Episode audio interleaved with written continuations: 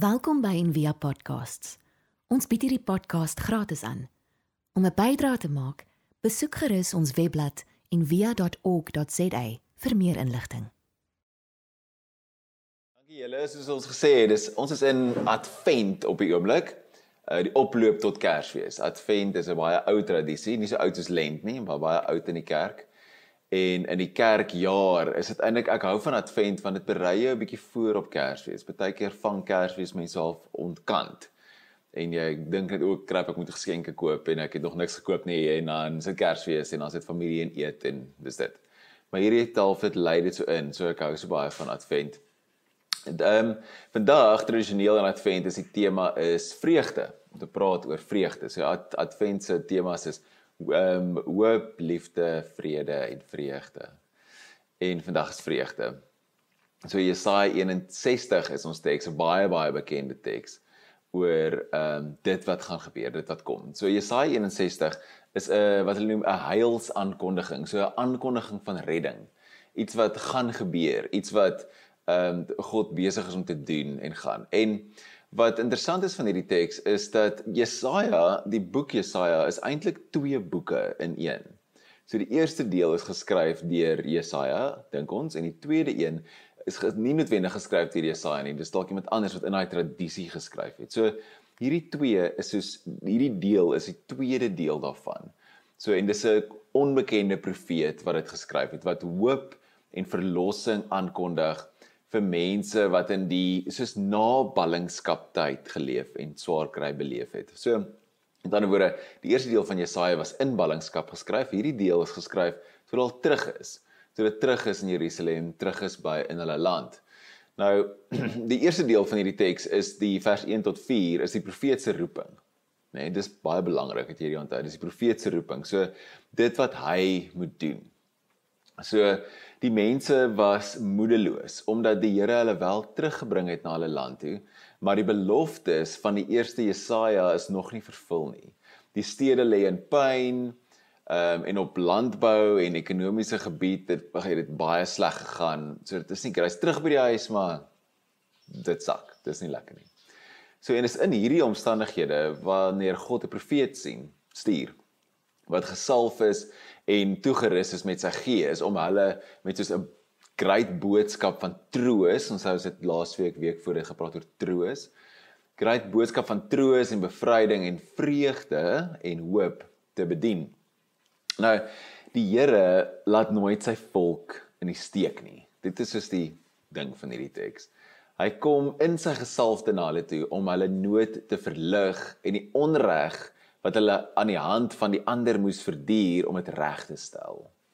Wat baie opvallend is van hierdie teks is dat daar's nie enige sprake van sonde of oordeel nie. God se beloftes in hierdie deel is onverwaarlik sonder hulle verdienste. Dit sê soos hierdie is wat ek gaan doen want ek is lief vir julle. Reg? En hierdie teks het te doen met vreugde. Met 'n vreugde wat gaan kom. Nou, vreugde in die Bybel, as jy deur die hele Bybel kyk, het te doen met God wat sy beloftes hou. So God se geregtigheid. Voel vir ons het baie hierdie jaar gepraat oor geregtigheid. En geregtigheid gaan nie oor reg en verkeerd nie. Dit gaan oor God wat getrou is aan dit wat hy beloof het om te doen. As ek vir jou sê God is geregtig, beteken dit hy gaan die regte ding doen wat hy gesê het hy gaan doen. En dis wat vreugde is. Die vreugde kom van daai plek af as gevolg van God se geregtigheid. So en dis 'n vreugde, die Bybelse vreugde is 'n vreugde wat verby omstandighede kyk in die toekoms in. En 'n vreugde wat terugkyk na dit wat God reeds gedoen het. So dit doen daai ding, dit kyk vorentoe en dit kyk terug in die geskiedenis in en vorentoe om te hoop. So wanneer ons in die Ou Testament lees, sien ons hoe die Israeliete uit Egipte uitstap met 'n groot vreugde. En hoe daai vreugde aanhou selfs in die woestyn, selfs in die moeilike tye gefokus op God se dade in die verlede, onthou wat hy gedoen het en die beloftes van die toekoms. Selfs al is hulle in hierdie weird liminal space, hierdie tussenin tyd. So hierdie vreugde wat verby die omstandighede kyk is soos kenmerkend uh, vandag ook in in in in Joodse spiritualiteit. So wat wat altyd so beautiful is van Joodse spiritualiteit is dat hulle dat dans soos 'n groot deel van dit is. Dat die rabbies dans. Hier's also 'n paar dansende rabbies vir. So die rabbies dans actually. So ek dink altyd as ek dit so sien, dink ek, "Jesus, ek wonder hoeveel hoeveel pastore en dominees dans as deel van die as deel van die seremonie, as deel van die as deel van die diens, as deel van die ding." Dis so 'n ding, hulle dans.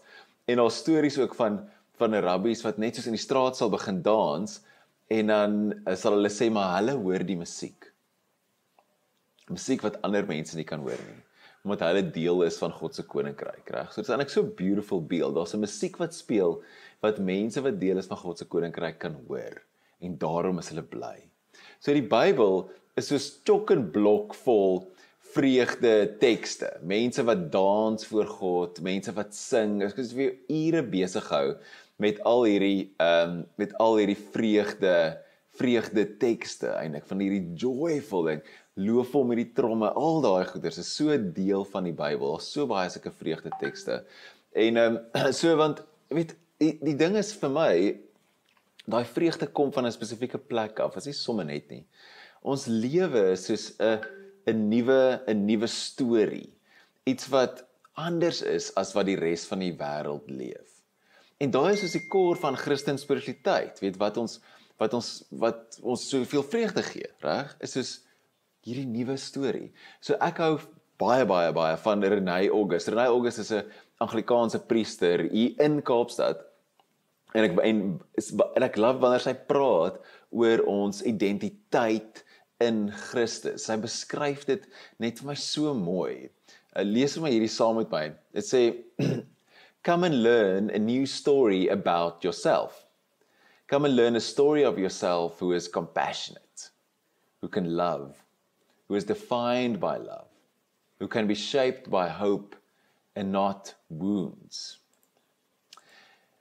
En dan gaan sy verder en sy sê come and live in a new story where everyone is invited to not be defined by what you have done or what has happened to you but let us be defined in a new way by the identity Jesus gives us that we are the beloved that I am the beloved that you are the beloved En daai laat my so baie dink aan aan uh, Romeine die Romeine 15:13. Dis een van my gunsteling tekste. Ek hou so baie van hierdie en ek hou van die Amplified. Een van die eerste Bybels wat ek gehad het was 'n Amplified Bybel. En uh, ek is nog steeds baie lief daarvoor want dit verduidelik die teks so mooi. En hierdie Romeine 15 vers 13 teks is my net so powerful.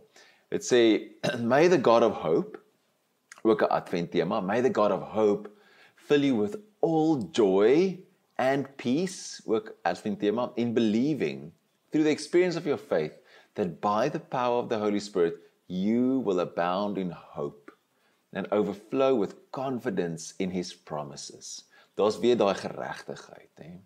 So om te glo, om te glo, te onthou en te vertrou lei na hoop en vreugde. En dis hoe ons wil leef. Wie wil nie so leef nie? Die hoop en vreugde is ook vas aan mekaar. Ons hoop want ons glo in God se beloftes en sy geregtigheid en wie hy is en dat ons sy kinders is, sy mense, reg? En dis waar Jesaja 61 gaan. Hierdie God se beloftes. God wat iets nuuts kom doen, wat iets kom bring, wat iets vir jou kom ruil en daai is my so mooi. Vreugde vir droefheid. Sieraad. Ek hou so van daai woord sieraad. Dit beteken um, om iets mooi te maak soos decorations, weet filigree hierdie sieraad vir as. Mooi goed vir lelike goed. Dis wat God doen. Dis wie hy is. En dis dan dan so merk merkwaardig dat Jesaja 61 is Jesus se mission statement. Dis wat hy gelees het in Lukas 4 toe hy daar in die sinagoge die eerste keer opgestaan het en gepreek het en die die die uh, skrifrol gevat het en oopgemaak het by Jesaja 61, toe lees hy dit en hy sê hierdie word vandag in julle midde vervul. En Jesus se koms word ook aangekondig deur die engele. Onthou die engele ons laasweek ook al oor hulle gepraat, het gesê dit word aangekondig as soos 'n goeie tyding, 'n blye boodskap dit gaan oor joy en vreugde. So daar's hierdie vreugde en hierdie joy wat so opbou dwars deur die woestyn, dwars deur die ballingskap, die hele ding en dan wanneer Jesus kom, dan word sy koms aangekondig as iets vreugdevol. En Jesus se sy hele bediening word gemerk deur vreugde. Hy leer sy disippels hierdie vreugde in die wildernis idee. En hy leer vir hulle, hy sê wanneer jy vervolg word, onderdruk word, wanneer dit sleg gaan, moet jy vreugde beleef en vreugdevol wees en bly wees. Omdat en dan gee hy die rede. Hy sê omdat daar 'n beloning in die hemel wag. Hy sê omdat daar 'n ander storie hier is as vir die res van die wêreld leef. En dis hoekom ons bly is. Vreugde is dan ook so baie kenmerkend van Christelike spiritualiteit. En ons sien dit soos in die vroeë kerk. Ons sien veral in die vervolgde kerk ook wanneer dit sleg gaan. En daar's baie stories van hoe Christene selfs op brandstapels gesing het en stories van hoe die owerhede wat die Christene vervolg in gelande waar dit onwettig is om geloof te beoefen, het hulle geweet waar hulle bymekaar kom want hulle luister waar hulle sing en waar daai vreugde is, waar die vreugde kan hoor. Dit is so amazing. So ek dink baie keer dan wonder ek as hulle ons kerke hoor, gaan hulle dink joy. Is dit wat die kerk verstaan? Is dit wat die kerk veronderstel is om te wees? En ek meen ongelukkig met so hartseer, maar eintlik nie. Die kerk staan nie bekend in die wêreld as 'n as 'n plek van joy nie. En dis iets wat moet verander. So en daar's dan die ding nê, nee, hoekom is ons so miserable en so hartseer die hele tyd as as ons nou veronderstel is om die mense van vreugde te wees. En ek dink dit het te doen met soos drie dinge, reg? Ek dink ons het God se beloftes vergeet. Ek dink ons vergeet dit wat hy vir ons sê hy vir ons doen en gaan doen. En ek dink ons gaan te ver weg van die Bybelteks af en ons lees dit te min en ons engage met dit te min en ons vergeet dit. As jy bietjie terugdink, is dit sleg gaan met jou en jy voel hartseer en miserable en so. Gaan bietjie terug, doen hierdie oefening en dink bietjie wat is die laaste ding wat die Here vir jou gesê het? Die laaste teks wat jy uitgestaan het, die laaste belofte wat jy gehoor het en onthou dit weer 'n bietjie. Dink daaraan dat God gesê het dat hy by jou is. Dat hy jou sal help, dat hy deel is van jou lewe. Reg, om dit te onthou en te oefen om dit te onthou. En dan saam met dit God se dade in die verlede in die verlede. Sy beloftes is in die toekoms en sy dade lê in die verlede. So wat het God gedoen in jou verlede in jou storie al? Om dit te onthou. Ons het so 'n boekie hier in ons huis, so ons het so 'n miracle boekie. En elke keer wanneer daar iets gebeur wat ons sien as regtig die Here se hand, iets wat net gebeur, uh, waar die Here vir ons voorsien of uh, goed net in plek val soos ons dit nodig gehad het en dan skryf ons dit neer. En dan elke nou en dan as dit moeilik gaan, ons raak gestres en angs en so, dan sal ek en Rialet mekaar sê, hoor jy gaan gaan lees in die boekie. Gaan lees dit weer daai boekie. En daai boekie is dat ekskuus, vandat ons getroud is die laaste 15 jaar, dis stories in van God wat in ons lewens en ons gesin se lewens iets gedoen het. En so onthou ons God se dade. En daai goed help dan as jy eweslik joyful dink jy, "Jesus, ek onthou die Here ons gehelp het." En ek het hierdie beloftes van wat hy gaan doen. En daarom is ek bly. Reg? So en om regtig in die woord te wees en te week, om meer in dit te wees, om te, want dis waar die beloftes lê, dit lê in die teks. Om dit te gaan lees te onthou. En ek dink so baie in Psalm 1, een van die eerste preke wat ek gepreek het in my hele preekloopbaan was oor Psalm 1 en dit bly nog altyd by my by. In Psalm 1 sê hy baie basiese weet wie in die woord van die Here sy vreugde vind en 'n dag en nag oordink, daai persoon is bly, het vreugde en gaan goed met hulle, is geseënd. So om jou hart dan te beskerm. En ons om die beloftes van God in jou hart te laat inkom. Reg, en hier is belangrik, moet jy net mooi vir my luister. So dat die beloftes van God in jou hart inkom want daar's so 'n klomp nonsens wat in ons harte ingeprop word deur die samelewing, deur sosiale media wat ontwerp is letterlik om jou uit te laat voel. Om jou te laat voel dat jy moet likes kry. Jy moet selfs op 'n baie baie subconscious onderbewuslike level laat dit ons voel dat ons uit is, nie deel is, ons nie genoeg het nie. En daai ding om nie te engage met dit so baie maar te engage met die woord, met God se beloftes en dit te oordink en dit te onthou en wat ook al prakties jy doen, lectio divina of wat ook al te gebruik om daai goed in jou hart vas te maak om regtig jou hart te beskerm. En die Bybel praat ook van dat jou hart te sê, ek hou van die Engels, the wellspring of life. Dis waar die lewe uitkom. En jy my kan nie nonsens daarin toelaat nie. Maar jy kan God se beloftes staan sit. En dis wat nodig is. En dan die laaste ding, eers onthou God se beloftes, onthou wat hy gedoen het in die verlede. En die laaste ding, en hierdie is 'n bietjie miskien 'n bietjie van 'n touchy subject, maar een van die dinge wat my baie keer onderkry van veral kontemplatiewe spiritualiteit is dis soos baie keer baie oorbeklemtoning van gebrokenheid van brokenness en dat dit self bietjie mode geword het om hierdie broken persoon te wees en ek verstaan dit ek verstaan waar dit vandaan kom maar die ding is mens kan nie daar bly nie die hele ding is ja jy is broken ja jy is vol as en jy stikkend en ons droefheid maar God ruil dit hy gee vreugde vir droefheid sieraad vir as So ons kan nie daar bly nie. Selfs al is dit hoe cool. En ek dink ons samelewing het hierdie en ek praat baie daaroor, maar ek dink is regtig belangrik. Ons het soos hierdie hierdie victimhood kultuur. En veral soos en dit is nou hard om te hoor, maar veral soos middelklas wit mense, nê? Nee? Het hierdie victim mentaliteit vir nie 'n nie nie regtig grondige redes nie. En hierdie wat gebeur in 'n victim kultuur is die die grootste morele waarde sonder enige vrae word aan die victim toegeken. Reg? So die oomblik as jy sê ek is die een wat geviktimiseer word of wat ook al met my gebeur het, dan is alles wat jy sê is dan reg en goed. Sonder vrae. En dit is verskriklik gevaarlik. Die mees kragtigste woorde in die Engelse taal het geword I'm offended. En dis moeilik, nê? Nee? En ja, ek verstaan, ons is gebroken. En ja, ons moet dit erken. En ja, ons moet ons vuil was goed bring en dit lig gee voor God. Reg? Ek is met jou daar 100%. Maar dan moet dit gewas word. God was dit dat dit wit is so sneeu. Dis die doel van vuil was goed lig gee, dat dit kan skoon word. Dis die ding. So die harde waarheid wat baie van ons en ek ook soos moes erken, is dat ek baie gekry het uit my gebrokenheid. Dis lekker as mense jou jammer kry. As jy daai aandag kry of vir jou sê, "Ag, oh, hoe braaf jy is dat jy op social media gepost het van hoe sleg dit met jou gaan en daai is aandag. Daai aandag wat jy kry is baie om op te gee." So jy moet moet nou mooi hoor, ek sê nie wat met jou gebeur het is reg nie en wat met jou gebeur het is nie groot nie. Dis nie wat ek sê nie. Ek sê dit help nie om jouself te aanhou definieer met dit nie. Jy kan nie so vorentoe beweeg nie. En dis die punt om vorentoe te gaan. So dis die Here wat ons vir ons dit wil gee. Hy wil ons ruil. Ons stikkendheid vir vreugde. Maar ons wil nie ons hou en ons vel was goed vas want dit gee vir ons identiteit. En dit gee vir ons aandag en gee vir ons 'n plek. So ons wil nie dit laat gaan nie, maar ons moet.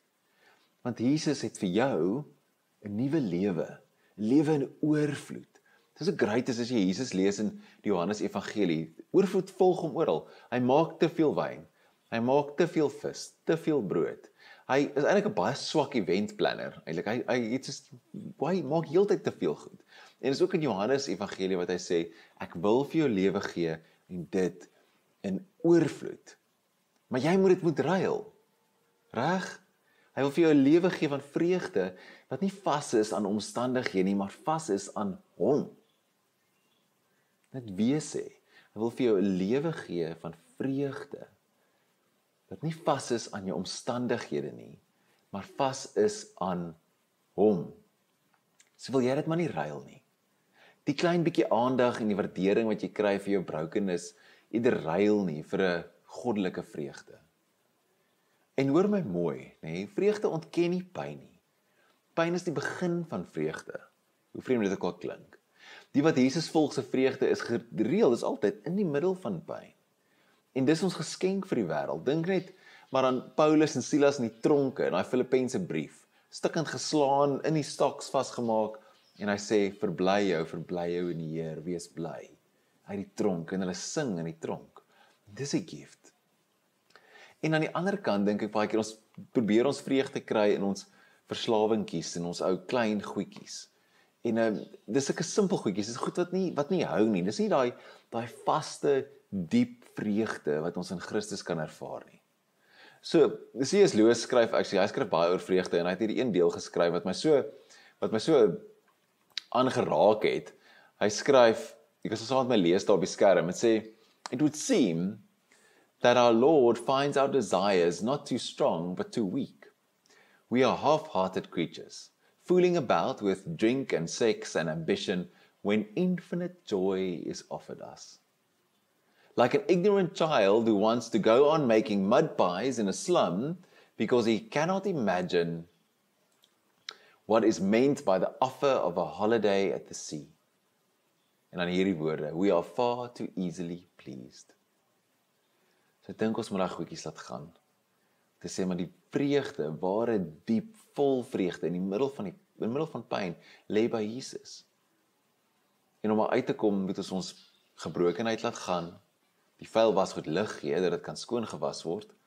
God se beloftes onthou in ons harte bære en God se dade onthou van die verlede wat hy gedoen het vir ons.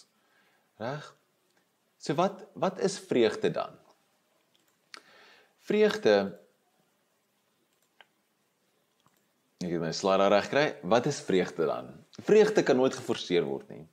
Dit vind jou wanneer jy jouself in God wegbêre. Dit is iets wat ons vind binne ons gewone kan 'n pliggebonde belaste vol bekommernisse en onderdruk pressure lewens. En Ronald Rolheiser wat ek baie quote, hy skryf dit so, hy skryf dit so mooi. Hy sê hy sê stel jou voor dat jy na 'n dag se heavy harde werk vir week se heavy harde werk of na 2020 in jou kar te loop moeg en al wat jy wil doen jy gaan net gaan lê, jy wil net gaan slaap. Hy sê en net soos jy by jou kar kom, voel jy die lewe in jou. Jou gesondheid. En op 'n of ander manier voel jy hoe jou liggaam, jou verstand, jou siel, jou jou geslag, jou seksualiteit, jou storie, jou plekkie is deel van 'n van 'n gesin, van 'n vriendekring, van 'n stad en van 'n land en hoe jy ewesklik so deel voel van alles. En hierdie gevoel in die middel van daai harde werk en moeilike week en pressure en alles, hierdie gevoel dat jy uitroep, Here, maar dit is goed om te lewe. Dis vreugde. Om jy af te sluit, nê. Nee, onthou God se beloftes. Onthou sy dade. Loos skryf ook, hy sê as jy mik vir die hemel, kry jy die aarde ook. Maar as jy mik vir die aarde, dan verloor jy beide. En dan net soos die profeet, hierdie onbekende profeet se taak was om hierdie heils aankondiging te doen, hierdie aankondiging van redding, is dit ook ons taak om hierdie aan te kondig. En veral nou in Kerstyd. Vreugde vir die nasies, vreugde vir jou mense, om hulle te on, om hulle te help onthou wie hulle is. Kinders van God. Jesus se parels. Dit is 'n mooi liedjie. Jesus se parels. Die een wat Jesus verlief is. Daai is nou altyd so mooi. Dis hoe Johannes homself beskryf, die disipel. Hy sê ek is die een wat Jesus verlief is. Soos iemand vir jou vra, "Maar wie is jy?" Dan sê jy, "O, ek sê ek die een wat Jesus verlief is." Hy uh hy like my baie. Jy is die een wat Jesus verlief is. God hou van jou. Hy glimlag oor jou. Jy stel hom tevrede net om te wees wie jy is. En hy wil vir jou so baie gee. Hy wil jou jou droefheid ruil vir vreugde. Jou al jou as ruil vir suurhart. Vir jou die olie van vreugde, the oil of gladness. Gee vir al jou trane. En dis wat ons vir onsself moet vat, maar ons ook vir ander mense moet sê. Dis wat ons vir onsself moet eien en ook moet uitdeel. Dit is die goeie nuus. Amen. Dankie dat julle saam gesit het en uh, saam geluister het. Dit was so lekker om net saam met almal te praat en te kuier. Ek wil hê jy moet jou hande uitsteek en dan spreek ek vir ons se seën uit. Mag jy jou vuil wasgoed gaan lig gee vir God. Mag jy dit vir hom gee dat hy dit kan skoon was so wit soos sneeu. Mag jy sy beloftes vir jouself vat, onthou wat hy vir jou gesê het gaan gebeur. En mag jy onthou wat hy gedoen het in die verlede en mag jy 'n diep diep vreugde ontdek in Christus selfs in die middel van pyn. In die naam van die Vader die Seun en die Heilige Gees. Amen. Genade en vrede vir julle almal. Genade en vrede vir julle almal. Ons sien julle aanlyn in die deur die vakansie ons is nog steeds hier. Ek's nog steeds hier. As enigiemand wil praat of enigiets nodig het lief vir julle en ek mis julle almal reeds baie. Lekker dag. Ons hoop van harte jy het hierdie podcast geniet of raadsaam gevind. Besoek gerus en via.ok.za vir meer inligting.